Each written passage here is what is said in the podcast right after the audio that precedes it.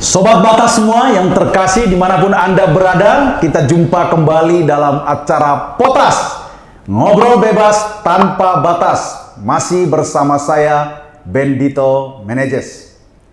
Di bulan Mei ini kita semua tahu bahwa ada satu peristiwa besar yang senantiasa dirayakan dari tahun ke tahun yaitu Hari Kebangkitan Nasional Terlebih lagi saat-saat ini ketika bangsa kita sedang mengalami persoalan, bangsa kita sedang terpuruk dengan peristiwa COVID-19, segala sisi kehidupan bangsa ini mengalami gangguan, tentunya kita semua berharap bahwa momentum perayaan Hari Kebangkitan Nasional ini memberikan kepada kita semangat untuk bisa bangkit kembali uh, menghadapi hari esok yang jauh lebih baik. Nah, untuk berbincang-bincang terkait dengan persoalan kebangkitan nasional ini, sudah hadir bersama saya di studio di Beat Cukai Atambua ini dua orang tokoh, dua orang narasumber yang luar biasa. Yang satu adalah Mas Aditya Anugrah Irawan. Ini sering memperkenalkan dirinya sebagai orang paling sangar sak Malang Raya ya, aslinya dari Malang Raya. Barangkali karena masih punya hubungan kekerabatan dengan Ken Arok ya sehingga beliau menjadi orang yang paling sangar sak Malang Raya. Lalu ada juga Mas Panji Nugroho Ramadhani. Ya, ini yang punya Borobudur. Ini masih punya hubungan keluarga dengan Gunadarma, orang yang membangun Borobudur. Aslinya dari Magelang. Bagaimana kabar berdua? Kabar hari ini sangat baik, sangat, sangat baik. Tenaga. Wah, luar biasa. Mantap sekali. Jangan grogi, Bro. Ini kita bicara ini di dalam apa namanya? Disaksikan oleh sobat batas nih ojo grogi lah. Kalau grogi kan kurang ini toh ya. Siap Pak Ben. Ya. Siap. Jadi ini bukan ujian ini bukan ujian apalagi terkait dengan apa itu tes wawasan kebangsaan. Nah ini kita berbicara hanya tentang uh, kebangkitan nasional dari perspektif kita khususnya teman-teman yang lahir ya kurang lebih hampir 90 tahun setelah periode kebangkitan nasional itu. Ini kan kalau tidak salah Adit lahirnya tahun 2001 Ya kan? Hmm. Itu iya. 93 tahun setelah peristiwanya. Lalu Mas Panji lahir tahun 98, berarti pas lah 90 tahun ya. Kan? Itu kalau dihitung-hitung kan periode yang sudah lama sekali. Nah saya mau tanya nih, uh, Adit tahu nggak tahun berapa itu terjadinya peristiwa Kebangkitan Nasional? Eh, kebangkitan Nasional itu uh, pada tahun 1908, tepatnya pada tanggal 20 Mei. 20 Mei 1900, delapan ya kan sudah lama sekali. Kalau Mas Panji, kira-kira apa itu apa uh, kebangkitan nasional itu sendiri yang bisa diingat ditandai dengan apa itu organisasi apa yang di ya, kalau berdiri pada saat itu? Kalau berdasarkan buku sejarah sih udah pasti yang terkenal itu organisasi Budi Utomo. Budi Utomo, oke. Okay. Berarti di kelas kalian masih dapat pelajaran sejarah ya? Masih, masih. itu bukannya, bukannya udah nggak belajar sama sekali? masih, masih ya? Pak Masih, masih belajar sejarah ya? Masih. Jadi kalau misalnya kita saat ini kita mau tanya tentang toko-toko, nama-nama daerah, lagu-lagu daerah pasti bisa ya kalau misalnya belajar sejarah atau gimana? Ya, kalau lagu-lagu masih bisa tapi suaranya ya itu tidak menjamin juga sampai. ya, tapi hari ini enggak lah. Saya nggak akan mengajak kalian bicara tentang lagu-lagu daerah atau masalah-masalah yang lain. Kita akan fokus aja bicara tentang kebangkitan bangsa ini. Ya kan? Karena begini, Kadang kala orang berpikir kan generasi-generasi yang baru ini sudah lupa dengan sejarah kan. Padahal kita tahu bahwa suatu bangsa yang besar adalah bangsa yang tidak pernah melupakan sejarahnya, jas merah, jangan lupa dengan sejarah, kan gitu. Jadi kita harus selalu ingat dengan sejarah kita. Kebangkitan nasional itu kan sebuah peristiwa yang sebenarnya sejauh yang saya pahami juga itu sangat penting. Itu menjadi tonggak di mana perjuangan bangsa kita ini terus berlanjut sehingga ada Sumpah Pemuda lalu ada kemerdekaan kan gitu. Tahu enggak tokohnya yang terlibat di dalam pendirian Budi Utomo itu? Sebut satu aja lah, jangan barangkali kalau banyak-banyak sudah agak agak-agak gimana gitu kan? Masih ingat gak ini? Ada. Uh, tokohnya yang pertama ada Dois Dekker. Dois Dekker. Namanya Dois Dekker itu orang mana itu? Beliau Dos Dekker itu asal dari Belanda. Orang Belanda, jadi orang Belanda tapi yang pro Indonesia, pro gitu ya? Indonesia ya. Iya. Wah, berarti kita tidak boleh juga benci-benci sama Londo, bro. Iya. Ya kan? gitu. Rupanya ada Dos Dekker itu yang bisa, yang ternyata bersimpati dengan bangsa Indonesia. Lah selain itu siapa lagi? Lalu ada Dr. Wahidin Sudiro Husodo. Dr. Wahidin Sudiro Husodo. Siapa yeah. Sudiro? Sudiro Husodo. Ya, sorry bro, kalau saya salah-salah karena lidah saya ini kan bukan lidah apa namanya bukan lidah yang bisa ngomong nam, sebut nama orang dengan pas ya kan? Iya. Ya karena jadi Sudir Husodo, aduh agak susah saya ini, kayak nama rumah sakit gitu kan. Nah terus yang satu lagi gimana? Siapa lagi itu namanya? Terakhir itu Dokter Sutomo. Dokter Sutomo. Oh, jadi ternyata itu yang dua-duanya dokter ya? Iya dokter semua. Oh, oke. Jadi saya ingat di rumah sakit di Surabaya itu ada satu rumah sakit yang besar namanya Rumah Sakit Dokter Sutomo itu ternyata diambil dari nama Dokter Sutomo yang pendiri Budi Utomo. Oke. Nah, sekarang kalian sendiri sebagai generasi muda, ini kan masih muda-muda kan? Nah, kalau misalnya melihat situasi bangsa kita saat ini banyak problem ya, yang paling apa hit sekarang kan masalah COVID-19 misalnya. Salah satu cara kita untuk bisa turut serta supaya problem ini segera teratasi menurut kalian apa misalnya? Oke. Saya mulai dari Panji dulu deh. Kalau menurut saya sih sebagai warga negara yang baik ya mengikuti arahan dari pemerintah bahwa kita harus tetap melakukan protokol kesehatan di mana pun. Lalu juga meskipun kita sedang dalam kondisi pandemi seperti ini, tetap selalu bekerja secara optimal ya supaya apa ya tetap kita tuh bisa um, berekspresi terhadap apa yang ingin kita capai. Oke. Kalau misalnya adik sendiri, Kalau saya ada menambahkan dari Mas Panji barusan, selain dari diri sendiri, mungkin ke orang lain juga kita perlu peduli satu sama lain. Semisal menghadapi pandemi ini, kita menerapkan protokol kesehatan hanya pada diri sendiri, tapi pada orang lain juga. Selain itu kita perlu ya mengikuti aturan yang ada supaya keadaan bisa lebih baik dari sebelumnya. ya itu memang betul kita harus seperti itu ya. Tapi eh, kalian lihat faktanya bagaimana kira-kira menurut kalian saat ini kira-kira masyarakat apakah sudah sangat apa namanya antusias untuk ikut untuk apa namanya mendukung program pemerintah dalam rangka untuk mengatasi pandemi ini atau bagaimana sejauh Iya, ini? Kalau sejauh ini sih mungkin karena pandemi ini sudah berlanjut eh, sudah sekian lama, mungkin ya lama-lama masyarakat ini mulai berkurang ya kesadarannya. Tapi ya bukan berarti eh, seluruh masyarakat itu berkurang juga, tapi tetap aja kita sebagai orang muda ini selalu aware terhadap apa yang dimintakan pemerintah bahwa kita harus selalu tetap menetapkan protokol kesehatan di mana. Oke, itu terkait dengan pandemi COVID-19 ya.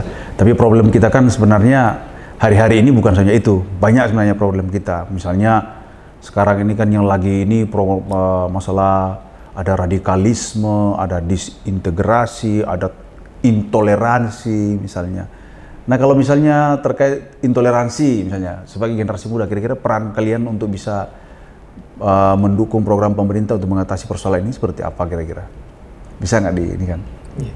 Kalau menurut saya, di- eh, terutama untuk saya, untuk saran saya untuk menghadapi intoleransi ini kita ya kembali lagi ke Pancasila, sila ketiga Persatuan Indonesia. Kita harus bersatu sebagai eh, warga negara Indonesia, sebagai rakyat Indonesia, bukan bukan mengutamakan sifat kedaerahan kita.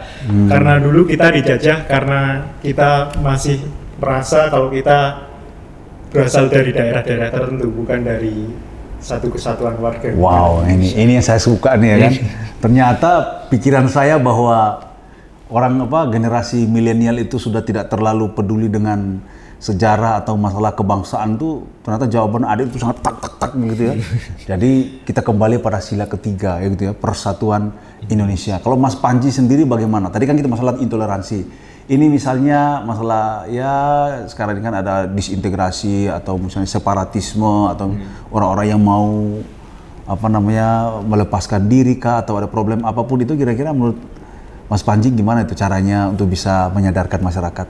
Ya kalau menurut pendapat saya sih eh, disintegrasi mungkin itu karena ketidakpahaman situasi di daerah-daerah tertentu mungkin ya. Mungkin merasa bahwa daerah tertentu itu merasa dikucilkan dibandingkan dari daerah-daerah lain. Tapi kan sebenarnya pemerintah itu juga pasti selalu memperhatikan seluruh daerah di Indonesia. Pasti akan ada selalu upaya supaya mensejahterakannya itu ke semua rakyat gak cuman ke daerah-daerah tertentu Ya, Berarti kita bicaranya keadilan gitu ya, Iya. keadilan sosial. Betul, sila keberapa itu, Mas?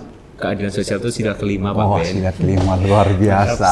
Ya kita kan ngecek gini siapa tahu ngomongnya berapi-api ya kan. Semangat sekali bahwa ini harus begini, harus begini. Ternyata ditanya sila, sila keberapa? Sila, sila. Jadi ketahuan. Berarti yang tadi sila ketiga, lalu sila Kelima. Jadi persatuan lalu keadilan. Kita perlu pertama-tama itu perlu kita bersatu dulu. Dalam persatuan itulah kemudian kita akan mewujudkan keadilan sosial. Jadi jangan lupa yang satu mengatasi misalnya intoleransi, kita jangan berpikir apa namanya daerah-daerah parsial-parsial kita harus berpikir dalam satu kerangka kebangsaan Indonesia persatuan. Yang satunya lagi juga sama. Berangkatnya tadinya sebenarnya sama-sama daerah ini lebih dari ini, daerah ini merasa diperhatikan, ini tidak ya kan. Tapi kita lebih pada keadilan. Semua ya agak susah sih sebenarnya mewujudkan keadilan. Karena kadang-kala itu keadilan bagi satu orang Berbeda bisa jadi ketidakadilan bagi orang lain. Iya. ya sehingga dulu itu seingat saya dulu namanya pembangunan itu tidak ada pembangunan yang berkeadilan tapi pemerataan pembangunan. Jadi kalau merata itu masih gampang lah diukur. Keadilan itu agak susah bro. Iya. kan gitu. Jadi kita harus apa uh, melihat segala situasi itu perlu dengan kacamata yang tidak selalu harus hitam dan putih kan gitu. Itu persoalan yang dihadapi bangsa kita sampai hari ini. Lah kalian sendiri kadang-kala kan begini, uh, untuk mempengaruhi orang itu kan sebenarnya harus mulai dari diri kita sendiri nih. Sebagai generasi muda, sebagai pemuda masa kini, ya yang boleh dikatakan itu kalian hidup di zaman di mana sudah jauh sekali dari peristiwanya kan. Jadi peristiwanya itu sudah terjadi 90-an tahun yang lalu, lalu baru sekarang ini ditanyakan tentang masalah kebangkitan bangsa. Menurut kalian uh, saat ini apa hambatan terbesarnya untuk kita bisa bangkit? Ya, kan sebentar lagi mungkin 100 tahun kan, tahun. 2000 berapa itu? 2000 ini sudah 2008 ya? 2008. 2008 kemarin kan sudah 100 tahun. Berarti kan ini udah udah lama sekali setelah 100 tahun lebih kita memperingati memperingati memperingati kebangkitan bangsa semangat spirit kebangkitan bangsa itu terus meng, apa namanya memberikan dorongan kepada kita menurut kalian sampai hari ini hambatannya apa sih masih ada hambatan nggak yang membuat sehingga bangsa kita walaupun bangkit tapi tidak bangkit bang- tidak bangkit bangkit banget kan gitu. Iya. gimana Kalau menurut saya hambatan yang pertama itu mungkin dari tujuan bangsa kita ya. Mungkin banyak menganggap o- eh, banyak orang yang menganggap tujuan tujuannya itu beda-beda. Mhm. Ada yang pengen eh, Indonesia itu seperti negara Amerika, ada yang pengen Hmm. Indonesia seperti negara yang lain sebagainya. Nah, Hmm. Itu mungkin perlu perlu kita mungkin sulit untuk sa- mencapai kata sepakat tapi kita perlu setidaknya em, mengacu pada satu tujuan yaitu Pancasila.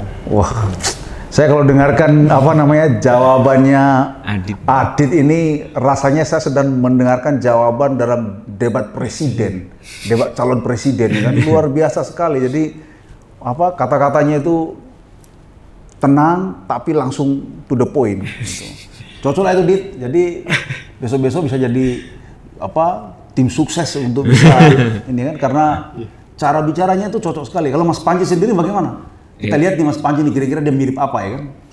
Ya kalau mungkin hambatan ya, mungkin untuk generasi sekarang ya karena semua informasi sangat mudah diakses, jadi ya mungkin ada beberapa kalangan yang mungkin terlalu mudah untuk selalu mempercayai kabar-kabar yang Oh, hoax ada gitu ya? Hoax gitu ya, oke. Nah. Nah itu mungkin filter dari diri kita sendiri bahwa setiap informasi yang selalu kita dapat itu sebelum kita sharing harus kita saring dulu apakah Wah, itu kebenarannya benar atau tidak Iya. Jadi kata kuncinya adalah sebelum sharing harus kita saring saring dulu bro. Jadi jangan kita sharing dulu baru kita saring ya kan. Jadi udah terlanjur orang sudah mendapatkan informasi yang tidak akurat, baru kemudian kita saring kan gitu.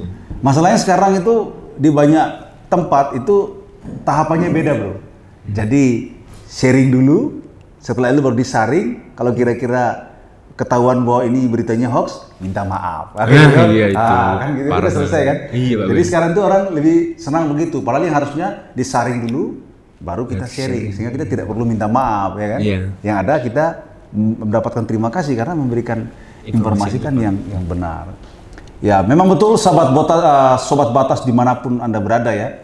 Dari perbincangan kami yang beberapa saat ini, anda semua bisa melihat bahwa ternyata eh, bahwa generasi kita yang milenial ini mereka kurang memiliki pemahaman tentang sejarah, tentang kebangsaan itu ternyata hoax. Jadi itulah sebenarnya hoax yang harus kita jawab. Bahwa mereka ternyata sangat mumpuni dan mereka mengetahui betul terkait dengan sejarah kebangkitan bangsa. Ya, walaupun mereka lahir sudah 90 tahun kemudian, ya kan? 90 tahun kemudian, tapi ternyata mereka masih me- mengerti tentang uh, apa sih kebangkitan bangsa dan ketika kita bertanya pada mereka tentang kebangkitan bangsa dari perspektif mereka juga jawabannya luar biasa. Ya, saya uh, saya sendiri ketika uh, ditanya terkait kebangkitan bangsa itu kadang-kadang saya bingung juga gitu. Tapi Adit dan Panji hari ini memberikan jawaban yang luar biasa. Ah, tapi gini, saya jawaban-jawaban sudah oke lah ya kan, ngasih jawaban tentang ini. Tapi saya mau kasih apa itu tantangan terakhir lah. Tantangan terakhir itu kita nyanyikanlah satu lagu dulu ya kan. Kita berikan uh, dorongan kepada teman-teman kita sobat batas di mana pun mereka berada. Kita menyanyikan satu lagu. Ya jadi cuma bukan kalian berdua aja, kita bertiga bro. Jadi tenang aja, kita sama-sama ya kan. Suara kita kalaupun misalnya tidak terlalu bagus kan sama-sama kan kita persatuan Indonesia tadi tuh, ya kan? Kita nyanyikan sama-sama satu lagu yaitu Indonesia Pusaka dipersembahkan dari saya Bendigo Meneses, lalu ada Aditya Anugrah Irawan, lalu ada Panji Nugroho Ramadhani. Kita nyanyikan bersama-sama. Indonesia tanah air beta pusaka abadi nan jaya Indonesia sejak dulu kala selalu dipuja-puja bangsa. Di sana tempat lahir beta dibuai dibesarkan bunda. Tempat berlindung di hari tua sampai akhir menutup mata. Luar biasa. Luar biasa. Demikian sobat batas satu persembahan lagu Indonesia Pusaka yang boleh kami nyanyikan untuk bisa memberikan kepada kita sebuah dorongan untuk kita semua uh, mencintai Indonesia Pusaka tempat di mana kita akan tinggal untuk waktu yang lama sampai akhirnya menutup mata dan perjumpaan kita pada saat ini bisa juga memberikan kepada kita sebuah pemahaman bagaimana cara kita untuk mencintai Indonesia ke depannya. Sekali lagi terima kasih untuk kebersamaan kita di dalam acara Potas Ngobrol Bebas Tanpa Batas. Sampai jumpa di lain kesempatan. Terima kasih. Terima kasih ya Adit. Terima kasih Pak. Ben. Terima kasih Pak Ben.